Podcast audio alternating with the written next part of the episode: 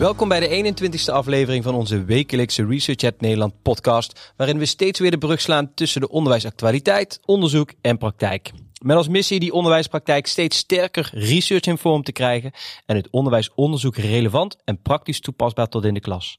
In de komende weken nemen we u samen met een van onze sprekers mee en maken we ook meteen een doorkijkje naar ons congres van 18 juni. Mijn naam is Jan van der Ven en dit is een nieuwe aflevering van de Research Chat podcast.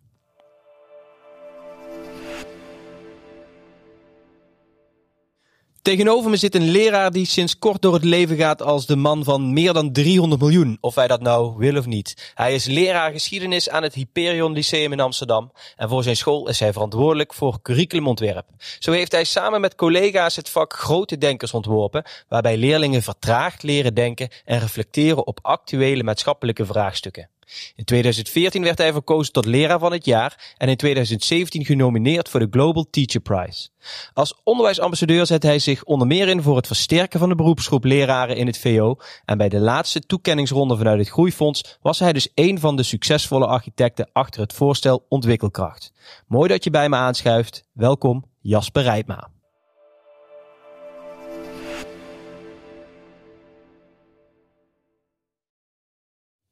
Jasper, leuk dat je er bent uh, hier in onze studio. Uh, je loopt al een tijdje mee in het onderwijsveld. Uh, op veel verschillende manieren. Um, ben je al eens eerder op een Research Ed conferentie, een congres geweest?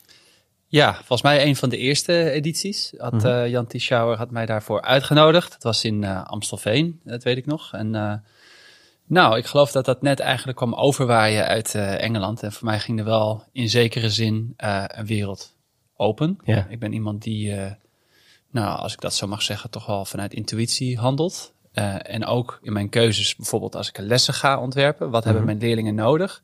En dan ga ik ontwerpen.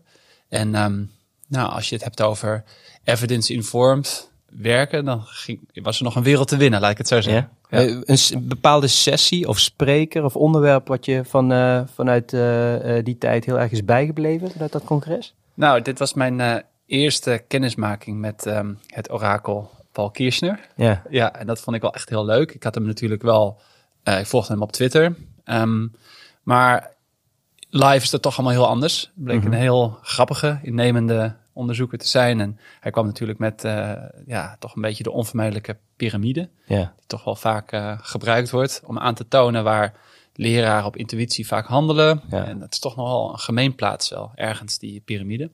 Inmiddels ook wel een cliché, denk ik. Hè? Ik ben wel benieuwd hoeveel leraren nou echt nog die geloven in die piramide, ja. als het ware. Ja, dat is een interessante. Misschien ook wel leuk om een keertje met Paul uh, te, te ontdekken. Um, nou, ik wil ook wat stukje actualiteit met je uh, op tafel leggen. Um, uh, nog niet zo heel lang geleden, het was een opiniestuk, maar het was meer een soort van long read in de Volkskrant. Uh, waar een, uh, nou, niet eens een zij-instromer eigenlijk, maar iemand die uh, nou, met, de, met de titel Na twee weken lesgeven op een middelbare school hield deze schrijver het voor gezien. Het is niet te doen zo. Uh, dat was een beetje de kop uh, waaronder het, het stuk stond. Deed veel stof opwaaien, ook vanuit de onderwijswereld zelf. Um, heb jij het gelezen en hoe, hoe kijk je daar tegenaan ten aanzien van jouw leraarschap vanuit de middelbare school? Ja, ik ben een volkskrantlezer. Dus ja. op zaterdag kwam die binnen voor drie dagen dan. Ja. Hè? Dus uh, ik ging er eens goed voor zitten. En uh, inderdaad, opiniepagina's, uh, een long read, volgens mij vier pagina's lang. En ik dacht, smullen. Ja. maar eigenlijk al heel snel was het smulaspect veranderde toch wel een beetje in. Ik vond het echt wel een confronterend stuk. Ja. ja? Natuurlijk herkende, herken ik best wel veel ook. vanuit mijn eigen beroepspraktijk, bij collega's. En um, nou, dat was toch wel het, het gevoel dat bleef hangen. Mm -hmm. Maar wat confronterend? In, in, op, in welke mate was het confronterend? Nou, de geest van het stuk, om ja. het zo maar te zeggen, is iemand die um, er met zin ingaat. Ja. En schrijfster, hè? Annegine Goemans, een uh, uh, schrijfster die, die die stap maakte. Ja, iemand die bevlogen is. Ja. Uh, iemand die vanuit het vak. Ik denk altijd maar, er zijn verschillende routes in het onderwijs. Hè. Mhm. Mm. Je kan ja, een passie om met leerlingen aan de slag te gaan of met een vak. En ik had het idee dat zij echt vanuit dat schrijverschap, en ze vertelt dat ze een aantal keer ook op scholen is geweest. En nou, toch heel leuk vond om uh, aan de slag te gaan met leerlingen. En ja. nou, daar toch ook wel een gevoel voor had. En dat legt ze ook uit. Dat vond ik leuk om te lezen. Um, en het confronterende aspect zit hem erin dat die die bevlogenheid, die passie eigenlijk al heel snel plaats ma- maakt voor een soort horror. Ja. Min of meer. En, Ja. en eh, zij, zij koppelt dat heel erg, dat vond ik ook interessant, aan devices. Als je dat eruit hebt gehaald. Hè? Dus zij zegt letterlijk, zodra de devices opengaan, dan begint de hel. Ja. Eh, want een speechje is bezig met eh, andere spelletjes en andere. eh, krijg geen verbinding. Zo herkenbaar. Ja. Geen verbinding maken. Het is zoveel tijd, Jan, zit in de technische gezeur. Ja. Dat is niet normaal. Dus ik heb daar zelf ook wel een beetje last van. En nou, dan noemt ze het passend onderwijs, noemt ze alle rugzakjes en nou, alle handelingsplannen. En ze stipt eigenlijk alle problemen, min of meer alle problemen waar we in het onderwijs voor staan, puur vanuit de klas, lokaal, geredeneerd, hè, eh, stipt ze aan in dat stuk. Ja. Ik vond het een heel goed stuk. Ja, en en, ehm, eh, wat, wat maakt het dan eh, toch een leuk vak ook? En een mooi vak, een vak waar je, waar je je nek vooruit wil steken, want dat doe je al een tijdje. Ja, en ik kwam er ook laatst achter dat als ik naar school toe fiets, ehm, ik ben daar nooit, ik ga er nooit met tegenzin heen. Ja. Ik wil ook geen mooi weer spelen. Ik heb ook best wel vaak eh, ja, lessen die niet lekker lopen. Ja. En dagelijks wel. En da- dat ik denk van, shit, dat had ik echt anders moeten doen. Ja. Of, eh, oh, ik ben heel blij dat de inspectie niet kwam kijken bij deze Ja, les. ja. van Heel herkenbaar, ja. Ehm, ook in coronatijden natuurlijk, al die afstandlessen. Dat was ook, verdiende ook geen schoon, schoonheidsprijs, man. ja. Ehm, maar daar staan dan weer tegenover heel veel kippenvelmomenten. ja. Hey, dat, ja, jij bent ook natuurlijk een onderwijsman. Je weet wat ik bedoel, het kippenvelmoment. Je Ja. staat daar. Ja, ik, ik geef dan geschiedenis, filosofie, grote denkers. Ik behandel veel actualiteit. En als die ene leerling dan met die opmerking komt, of ik zie ja, een twinkelslag bij leerlingen in de ogen, of ik vertel wat en ik zie een aantal leerlingen die gewoon zonder dat ze het doorhebben met overmond staan Ja. te luisteren, weet je wel. En ik denk, ah, dit is echt eh, de magie van het onderwijs. Ik krijg er nu ook weer kippenvel van. Dan denk ik, ja, yes, Dat is de reden om, eh, om je er zo hard voor te maken. absoluut. De kippenvelmomenten, zeker. Hey, ik, toen ik het stuk zelf las, dacht ik ook wel van ja, ehm, goh, als je mij nou voor dit weekend het hoofdredacteurschap voor de Volkskrant toebedeelt en ik moet een Volkskrant in elkaar knutselen, ja, dan zou ik ook denken daar op de redactie, wat een horror hier en waar moet ik beginnen en ik kan dit helemaal niet, ik heb hier niet voor geleerd. Ik had wel ook een beetje eh, dat idee bij, bij toen ik het stuk las, dat ik dacht van ja, maar waarom denk je dat je zonder enige goede vooropleiding, ehm, een diploma behaald hebt, een bevoegdheid. Waarom denk je van, eh, ik ga dit wel even doen, ik kan dit wel? Hmm. In dezelfde Volkskrant was er een bijlage, een onderwijsbijlage, Ja. een special. Eh, en ik wil dat even aanhalen. Niet dat ik eh, de vraag ontwijk. Ik, Ja. kom, ik kom naar ja, ja, antwoord. tuurlijk, geen probleem. En, en ik weet niet of je die special hebt ge- gezien. Maar ja, en met was- de, docenten vanuit verschillende hoeken van de wereld hier in Nederland komen, komen lesgeven. Precies, ik vond dat natuurlijk al interessant. Want Ja. enerzijds heb je nou, eh, vluchtelingen Mhm. eh, die op zoek zijn naar werk, min of meer. En hun, het liefst het werk wat ze, waar ze, wat ze deden in het land waar ze vandaan Ja. kwamen.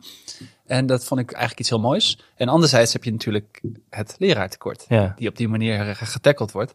En ik zag dat eigenlijk in het verlengde van, ehm, eh, van, eh, van het opiniestuk, Ja. min of meer. Want we ja, eigenlijk beide gaan over het lerarentekort. Ja. Dat wat jij aangeeft, dat we mensen zo snel mogelijk, huppakee, eh, voor de klas krijgen. Ja. Ik, vanmorgen had ik toevallig een afspraak met een aantal mensen, waaronder Jaap Versveld. En die vertelde mij dat zijn, zijn zoon eh, les gaf. Dat, Ja. dat wist ik nog niet. En die vertelde mij ook dat, die, dat ja, hem een baan is aangeboden, omdat volgens mij zijn stagebegeleider uitviel. En ik Ja. dacht van ja, dat is typisch, zo herkenbaar. Hè, dat, stagiairs met nauwelijks enige ervaring. Nu zal het vast eh, ongetwijfeld een goede vent zijn hoor. Maar ik zie het ook op mijn eigen school vaak gebeuren dat eh, mensen met weinig ervaring dan zo een contract aangeboden worden. Ja, aan de ene kant mooi en aan de andere kant een enorm groot afbraakrisico eh, om in de knop al een beginnend leraarschap eh, eh, te smoren. En ja, en we zien natuurlijk ook dat veel van die startende leraren uitvallen. Dat Ja. is een van de problemen.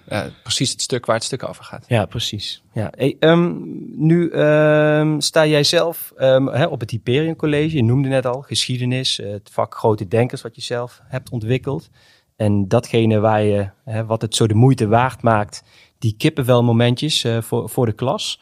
Ehm, je staat op dit moment wat minder voor de klas, toch?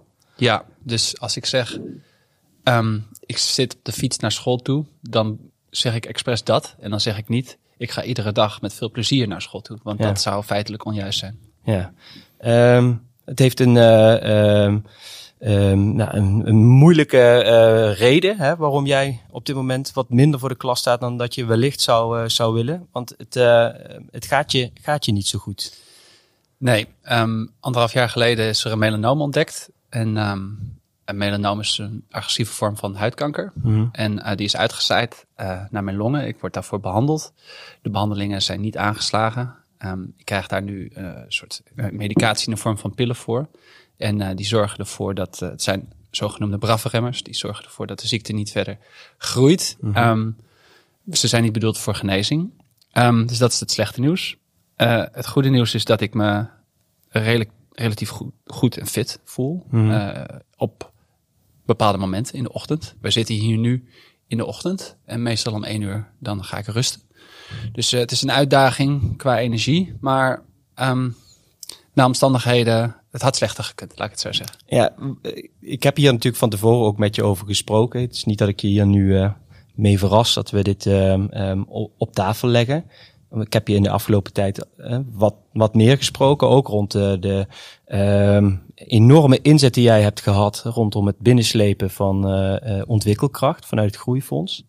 Um, je zou ook kunnen zeggen, als het datgene wat jou is overkomen, wanneer je dat overkomt, um, stik er allemaal maar in. Ik concentreer me op de mensen om me heen. Ik stap niet meer op die fiets naar mijn school.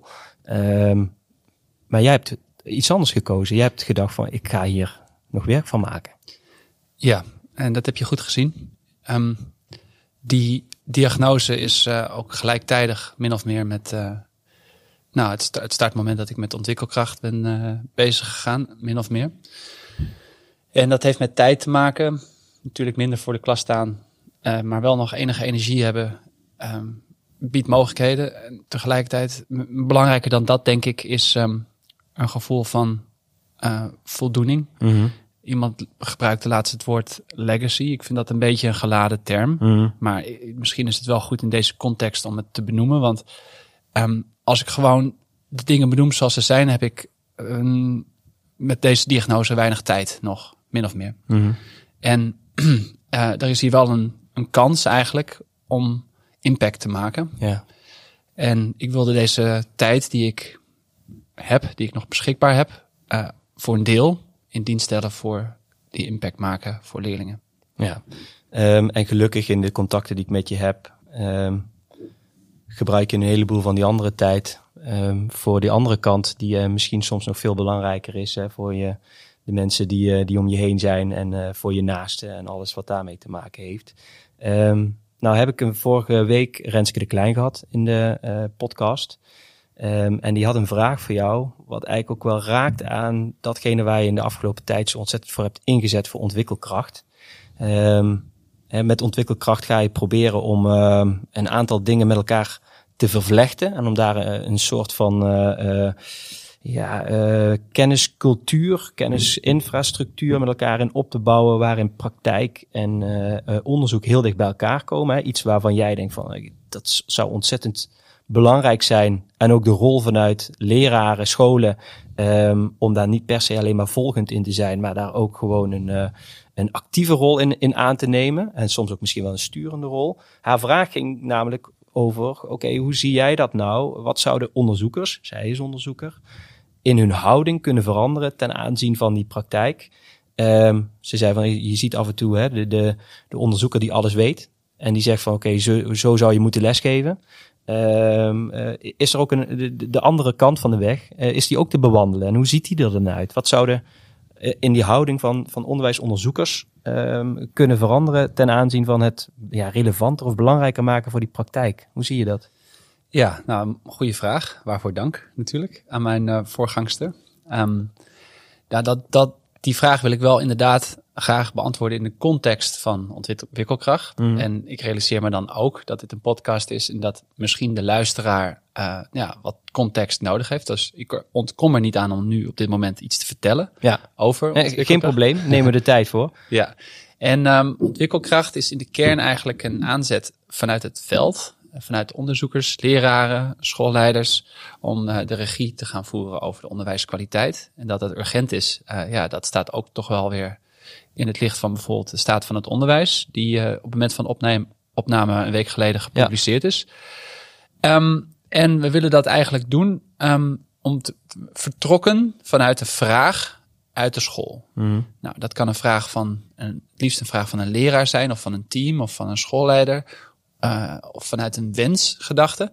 Misschien is het handig als ik een ja, tuurlijk. voorbeeld noem. Ja, zeker. Um, bijvoorbeeld, uh, laat ik twee kort aanstippen. Eentje heb ik vaker gebruikt, dus misschien dat mensen luisteren en denken, oh ja, komt hij weer met het voorbeeld. Dus ik zal ook een ander voorbeeld noemen. Mm -hmm. Het ene voorbeeld is, op mijn school uh, is zo verdeeld in zes jaarlagen. Mm -hmm. uh, ik heb tijdlang uh, in het brugklasteam, team 1, gewerkt. Met veel plezier ook wel. En dan, nou, dan zie je dat kinderen zo'n super um, heterogene groep is. Qua capaciteiten natuurlijk. En tegelijkertijd zien we dat um, kinderen eigenlijk al heel snel um, traditioneel gezien een afrekenmoment hebben als die eerste toetsen komen. Um, en we wilden dus uh, vanwege een zachte landing en om beter inzicht te krijgen op wat hun capaciteiten zijn, ook in het kader van kansengelijkheid, wilden we um, eigenlijk dat moment uitstellen, het liefst cijferloos werken. Maar ja, um, cijferloos werken is een slecht idee, tenzij in een ander systeem om voortgang te monitoren. -hmm. Dat handreikingen biedt aan alle vakdocenten. Ja. Dus dat is een enorme klus, min of meer. En nu is het zo dat mijn school, Hyperion in Amsterdam, niet de enige school is die voor die uitdagingen staat. Mm -hmm. Dus eigenlijk waar, waar, dus dat is de vraag, min of meer. Ja. Dus je vertrekt vanuit een vraag. En nu kom ik ook bij de, om het beantwoorden van de vraag van mijn voorgangster. Ja. Um, hoe zou de wetenschap zich kunnen verhouden tot wat er gebeurt in het onderwijs? Nou, het is eigenlijk, het antwoord is heel simpel wat mij betreft. Laat de vraag vanuit de school, laat die leidend zijn. Mm -hmm. Nou, dit is een vraag waar een antwoord op is, natuurlijk. Een deel is theoretisch. Mm -hmm. um, nou, doorloopjes biedt, een antwoord. Uh, Dominique Sluisman heeft er veel ook over gezegd. René Knijber heeft een podcastserie die al opgenomen. Daar is veel over bekend. Ja. Een deel ligt in de praktijk. Dus dat is het stukje kennis. Mm -hmm. Een deel zit hem denk ik in tijd. Neem bijvoorbeeld, uh, ik zeg maar wat, die docent uh, science. Uh, ja, die, die zegt van ja, ik wil daar wel mee aan de slag gaan. Maar ja. tal van andere dingen die om prioriteit vechten. Ja. Dat is denk ik ook in het opiniestuk aan de hand. Ja. Dus we hebben het over kennis. We hebben het over simpelweg tijd vrijstellen mm -hmm. van degene die hiermee aan de slag gaan. Mm -hmm. En dat is een ander element dat ik wil benoemen. Nogmaals, de context van het plan ontwikkelkracht is een stukje kunde. Mm -hmm. En hiermee, hier wil ik heel expliciet zijn. Ik zeg hiermee niet met het woordje kunde, ze kunnen het niet. Sterker nog, het, het, eigenlijk het, uh, het gonst van de ideeën, min of meer. En de ja. innovatiekracht, om het zo maar te zeggen. Innovatiedrang in lerarenkamers. Waar het, het woordje kunde in zit, is um, een structuur of een systematiek waarbij leraren veel meer het samen doen. Mm -hmm. En ik wilde dit ook heel graag benoemen in het licht van het opiniestuk. Ja. Ik denk waar het voor een deel ook misgaat, is omdat het nog steeds, dat zie je, dat lees je tussen de regels door. Ja. Het is een soort van eindselganger beroep. Ja. Individueel. Ja. Heel, heel alleenstaand. Ja die mevrouw staat in de eentje met, ja. met, met, met uh, 27 pubers die, uh, so, had je gelezen, eentje die probeerde dus het beeldscherm in te slaan. Ja, ja. nou, weet je, nou goed, ik, het liefst zou ik um, team teachen. Dat is, voor, voor een deel hebben we dat in geïntroduceerd. Love it. Ja.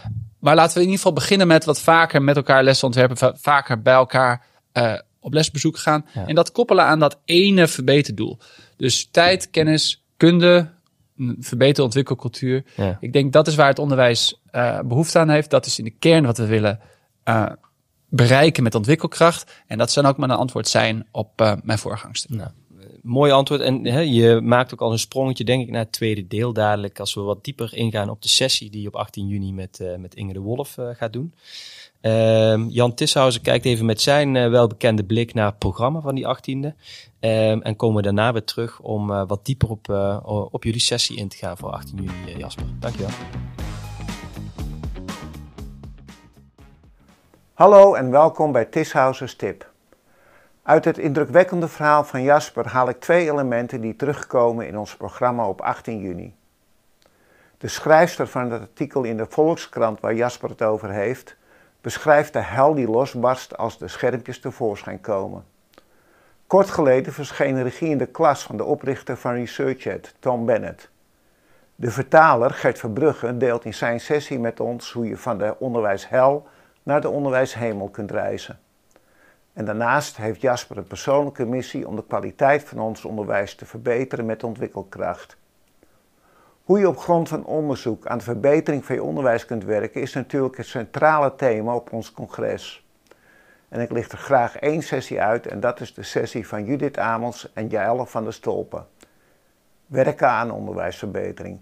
Zij laten zien hoe onderzoek je daarbij kan helpen. Ik zie jullie graag op 18 juni in Nijkerk. Tot dan. Jasper, 18 juni, uh, je komt spreken samen met uh, Inge de Wolf. Hè? Uh, twee namen die ook um, onder het ontwikkelkrachtvoorstel in het Groeifonds stonden. Ehm, wat kunnen we verwachten die 18 juni van jullie sessie?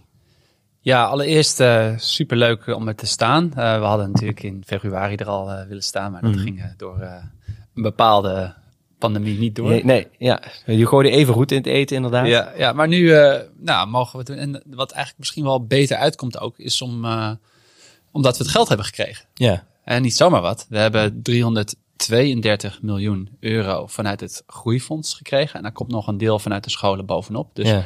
nou, daarmee moet ik ook zeggen, als ik dit bedrag noem, een enorme verantwoordelijkheid ook. Om het ook nu in goede banen te leiden. Maar we hebben een goed team. Niet alleen Inge, maar ook uh, de andere mensen die daar vanuit Education Lab, vanuit NRO, ja. ondersteuning vanuit het departement en de groeikrachtmensen. Dus uh, het zijn goede mensen. Ja. Um, mensen die op 18 juni bij jullie uh, in het lokaal of uh, in de zaal komen zitten. Um, wat, wat gaan die te horen krijgen in die jullie sessie? Ja, ik had je vraag helemaal niet beantwoord. Hè? Ja, geen probleem. Dan kom ik gewoon op terug. Ja, allereerst dacht ik, um, is, wat wel belangrijk is, denk ik, is het wordt ook gewoon een stukje informeren. Ja. Want het is een uh, voorstel dat in de kern simpel is, mm -hmm. hè, simpel uit te leggen is. We bestaan uit, gaan we straks ook doen, denk ik, uit vier onderdelen. Maar ja, het venijn zit hem natuurlijk in de details. Dus ja. ik, wil, ik vind het heel belangrijk dat mensen goed begrijpen wat het is, wat we beogen, wat de doelstellingen zijn, wat de termijn is waarop er gewerkt, hoe die verschillende onderdelen met elkaar samenhangen. Mm -hmm. Het is denk ik ook wel goed om te zeggen dat we nog niet uh, gestart zijn. Ja. Dus als er nog briljante inzichten ineens komen, ja. dan kunnen we die gewoon nog een plek geven. Dus de oproep doe mee is eigenlijk ook uit te leggen als denk mee, mm -hmm. min of meer. Um, en de oproep doe mee op het eind is ook een call to action, omdat we het echt heel belangrijk vinden dat dit vanuit het veld zelf komt. Um, onderwijsverbetering kun je niet, een verbetercultuur kun je niet opleggen, Mhm. top-down. Uh, ja, dat hoef ik jou niet uit te leggen. Ja. Dat, uh, ja, dat moet echt door de professionals, de leraren, de schoolleiders niet te vergeten en de onderzoekers. Um, dus oftewel het volk dat straks op 18 juni um, op deze school aanwezig is. Ja.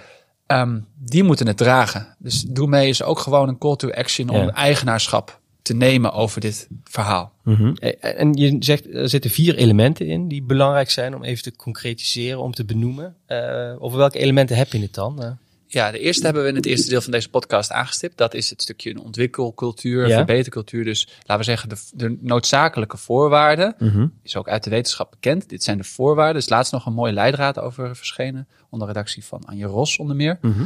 Um, over welke factoren zijn dat nou die op een school aanwezig moeten zijn om überhaupt, nou ja, met evidence-informed werken te kunnen gaan, uh, aan de slag te gaan. En dat is um, een gespreid leiderschap. Dat is uh, de, bij elkaar in de les gaan kijken. Mhm. Dingen die we genoemd hebben. Dat is uh, samen het onderwijs ook ontwerpen. Dat is een ritmiek aanbrengen waarop Mhm. je samen ja, systematisch aan dit ene verbeterdoel werkt. Dat zijn de voorwaarden die je nodig hebt. Dus dat, dat is een onderdeel. Mhm. Um, er is niet one size fits all Nee. voor alle scholen. Dit is hoe we het doen. Dus een belangrijke les die ik wil meegeven, ook in de aanloop naar Research Ed, is dat er verschillende werkwijzes Ja. uitgeprobeerd worden. Um, ik ben zelf verbonden aan Groeikracht. Dat is een van de um, ja, initiatiefnemers. Uh, dus ik zal ook proberen om um, met Groeikracht een van die werkwijzen te zijn. Maar we zijn niet de enige Nee. werkwijze. Dus dat is even belangrijk om te weten. Um, vervolgens is het zo dus dat die, die voorwaarden als het goed is op verschillende scholen aangebracht worden. Dat moeten we natuurlijk allemaal gaan evalueren en Mhm. testen na een x aantal jaar.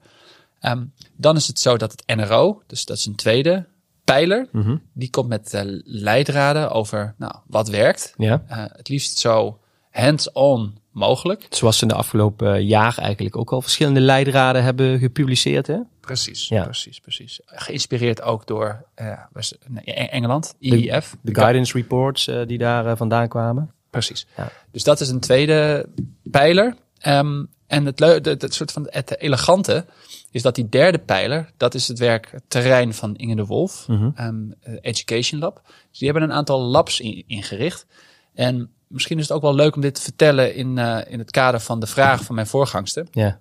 Want wat er in die labs gebeurt, is dat onderzoekers met leraren, met schoolleiders op zoek gaan naar nieuwe antwoorden Ja. op onderwijskundige vragen. Ja. Dus niet vanuit de leraar, niet vanuit de onderzoeker, maar samen. Samen in co-creatie antwoorden. En die komen dan vervolgens weer via het NRO in Leidraden in de verbetercultuur scholen terecht. Ja. De vierde pijler eh, eh, is natuurlijk ook, je wil dat dit niet alleen in nou, een select groepje scholen Nee. gebeurt. Je wil een olievlekwerking. Ja, ja, ja. En daarvoor heb je dus die, ja, wij noemen dat O&O-scholen. Dat zijn eigenlijk scholen waarbij kennisuitwisseling eh, gefaciliteerd wordt. Mhm. Ook geïnspireerd door, geïnspireerd nogmaals, niet een kopie, ehm, van de Engelse research schools. En O&O, waar staat dat eh, voor?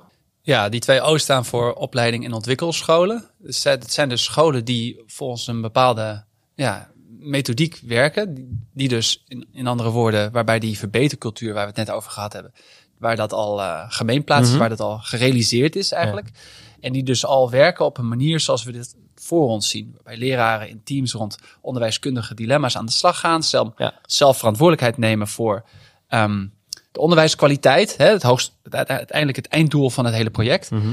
Ehm, en dus ook merken dat het leuk is om op die manier te werken. Ja. Eh, en dit ook graag, nou ja, dit willen vertellen op andere scholen. Ja. We weten uit voorbeelden uit het buitenland dat dat ook, eh, nou, ik gebruik maar het, het woord besmettelijk is. Mhm. Positiviteit en enthousiasme. Eh, en ik denk ook, eh, maar dit is mijn soort van geloofsartikel, dat leraren het beste leren van andere leraren. Ja. Dus Ja, herkenbaar hoor. Ik bedoel, ik denk dat het nooit volledig alleen maar vanuit leraren naar leraren. Maar het helpt wel als eh, mensen met onderwijservaring eh, en met een, eh, eh, een beetje know-how van hoe het in een school werkt, hoe het in een klas werkt. eh, om juist vanuit die good practices eh, ook zelf aan de slag te gaan. Ehm, nu weet ik dat jullie ook eh, in Engeland zijn wezen kijken, hè, ook bij enkele van zulke scholen die op die manier werken. Ehm, is er geen gevaar dat het straks een soort van ehm, one size fits all moet, moet gaan worden, Jasper? Ja, nou, eerst misschien nog heel even over de vier onderdelen. Het zijn dus, het zijn dus geen vier losse onderdelen. Nee. Ik, ik wilde daar alleen nog aan toevoegen dat het, je moet het eigenlijk zien als een lemniscaat. Ja. Dus een, een acht die ligt, Ja, waarbij de vraag vanuit eh, het team in het midden zit. En waarbij ieder onderdeel eigenlijk bijdraagt aan dit verhaal. Ja. Dus waarbij kennis circuleert en een plek krijgt, eh, bottom-up, eh, top-down ontmoet. Dus dat wil ik even gezegd hebben. Vanuit die lemniscaat gedachte zijn we ook inderdaad naar Engeland gegaan. Eh, ik wil één misverstand ehm, aan de voorkant wegnemen. Mhm. En we zijn dus niet ehm, bezig om dat wat daar eh, aan x aantal jaar, volgens mij al tien jaar zijn, ja, ze zijn al tien jaar bezig, copy-pasten. te eh, copy-pasten. ja. Ehm, en dat, daar, daar hintte jij eigenlijk ook al naar. Met one size fits all. Maar misschien iets anders uitgelegd. Ik denk niet dat je een element uit een ander onderwijssysteem kunt Mhm. pakken. Zoals in dit geval de EEF, de Education Endowment Foundation. Dat je die zomaar kunt plakken op de Nederlandse context. Ja. We hebben nog gewoon een heel ander stelsel. Wat wel zo is, is dat ik het een inspirerend bezoek vond ja. uiteraard. Dat bepaalde onderdelen, dat we die een plek proberen te geven in het voorstel. Nou, de oplettende luisteraar, die zal al denk ik gemerkt hebben dat eh, de guidance reports langs zijn gekomen. Ja. Nou, dat, is, eh, de, dat is geïnspireerd door IEF, absoluut. En ook de research schools, eh, waar, waar, waar de O&O scholen, hè, we zijn nog bezig met de proof of concept Mhm. ontwikkelen. Dit is overigens een van de dingen waar, waarvan de bezoekers straks, eh, ja, denk ik nog best met input kunnen komen. ja, zeker. Ja, Ja. dat is een mooi voorbeeld. 18 juni, ja. ja. Precies. Dus eh, ja, waar moeten we dan vooral op letten? En hebben jullie daar ideeën over? Maar goed, een van de inspiratiebronnen, dat zijn de research schools Ja. in Engeland. Ja. Hey, ehm, en nou had je het in het eerste deel al hey, ehm, over ehm, nou, het, het woordje eh, legacy. Je zei al van, nou, het is, eh, klinkt misschien wat zwaar, maar aan de andere kant ehm, is het ook wel iets moois. Ehm, wat hoop jij over vijf jaar wat ontwikkelkracht heeft gebracht in, in het onderwijs? Wat, hoe ziet die, die legacy er op wat langere termijn uit, eh, waar jij op hoopt? ja, dat is ook gewoon een Nederlands woord voor, nalatenschap. Ja. maar goed, ehm, ja, kijk, wij hebben een plan geschreven dat in principe voor tien jaar is. Ehm, dus over tien jaar, over vijf jaar, ik weet niet of ik er dan nog ben. Eh, ik zou het geweldig vinden als we de dalende trend, dat is hoe het überhaupt begonnen bent, de dalende trend van teruglopende resultaten, dat we die eh, trend op zijn minst hebben kunnen afremmen. Ik vind het misschien wat eh, pompeus om nu te stellen van ja, die hebben we gekeerd. Dat is natuurlijk wel het doel na tien jaar. Ik denk dat de pro- problematiek zo ingewikkeld is. Hij hangt ook samen natuurlijk met het lerarentekort. Daar kunnen we het misschien ook, ook nog over hebben. Maar ja, de, die, die trend ehm, afzwakken, laat ik eh, mijn ambitie zo, eh, zo noemen, dat zou ik fantastisch vinden. Ja, ja. ja, en inderdaad, het raakt ook. eh, je, je concentreert je met ontwikkelkracht heel erg op de kwaliteit van onderwijs. vanuit een gedachte om, het, om daar samen de schouders onder, onder te zetten. En er zijn inderdaad altijd andere eh, aspecten die daar ook nog eh, hun uitwerking op hebben. Eh, ontwikkelkracht is wat dat betreft geen panacee om het lerarentekort eh, terug te dringen. Ah, en aan de andere kant, Jasper, kan me wel voorstellen dat als je op zo'n manier gaat werken, zoals je met ontwikkelkracht hoopt dat scholen hun ruimte pakken ten aanzien van onderwijsinhoud, dat het ook veel leuker wordt om docent te zijn of leerkracht te zijn op een school die zo met onderwijs bezig is. Ja, dat precies. Precies dat heb ik tegen Jeroen Dijsselbloem gezegd. eh, Toen hij, eh, hij is de commissievoorzitter. Ja, En eh, hij stelde ook natuurlijk de vraag daarover. van hoe verhoudt dat zich tot het leraartekort? Dat was precies mijn antwoord. ja. Nou ja, ik, denk echt dat het leuker is om onderwijs te geven als je het samen doet. Ja, ja, nou dat is een hele mooie. Hey, volgende week heb ik Franka Dammerman hier in de studio te gast. Een uh, zijnstromer die in eh, eh, Amsterdam eh, op een eh, basisschool staat. Zij komt 18 juni ook eh, spreken. Heeft een heel traject afgelegd voordat ze via die zijnstroom uiteindelijk voor de klas terecht kwam. Ehm, heb je een vraag die ik aan haar zou mogen stellen vanuit jou? Ja, eh, ik denk de vraag is, eh, vloeit logisch voort uit dit gesprek. Ja. Eh, we hebben te maken met eh, een prachtig beroep, een prachtig vak. Eh, voor sommigen een roeping. Ehm, en nou, wat we eigenlijk willen, zouden willen is dat eh, bevlogen mensen die kiezen voor dit mooie beroep, dat die ook behouden blij worden voor dit, eh, voor dit beroep. Dat die voor de klas blijven staan. Nou, ehm, in de Volkskrant stond een artikel over waar nou, iemand in het VO tegenaan loopt. Ik ben eigenlijk benieuwd, waar loop jij tegenaan in het PO? En wat zijn nou de zaken die jou, de pushfactoren als het ware, uit het onderwijs? Eh, daar ben ik erg benieuwd naar. Ehm, en misschien dat we daar eens naar kunnen kijken hoe we bevlogen leerkrachten zoals jezelf eh, kunnen behouden voor dit mooie beroep. Dat is een hele mooie vraag, eh, Jasper. Die, die neem, ik, neem ik mee. Dank je wel dat jij vandaag wilde aanschuiven bij ons in de studio. En voor je openhartigheid. ehm, en ook voor het mooie gesprek over de ontwikkelkracht. Enorm bedankt voor de enorme inzet die je hebt gepleegd. Ook onder andere in het afgelopen jaar om dit voor elkaar te boksen. Samen met een aantal andere, ehm, ik, waar ik de namen niet van ga noemen. Dan zul je altijd zien dat ik er eentje vergeet. Eh, en daar, daar heb ik geen trek in. Ehm, maar in ieder geval, eh, ik weet jouw oproep in de Bali onlangs eh, bij het bekendmaken, waarin je ook een oproep maakte van, oké, zou ook een mooi beginpunt zijn om ehm, wat meer uit onze eigen geloofsbunkers te komen, om elkaar eh, tegen moed te treden, om er het beste van te maken samen. En ik denk dat dat een hele mooie eh, oproep is. Daar schaar ik me volledig achter. Nou, in de volgende ehm, aflevering eh, van deze Research podcast, Franka Dammerman dus te gast. Eh, dank voor het luisteren. Ehm, 18 juni het congres. Eh, voor meer informatie kun je altijd terecht op www.researchat.eu. Dankjewel Jasper. Dankjewel Jan.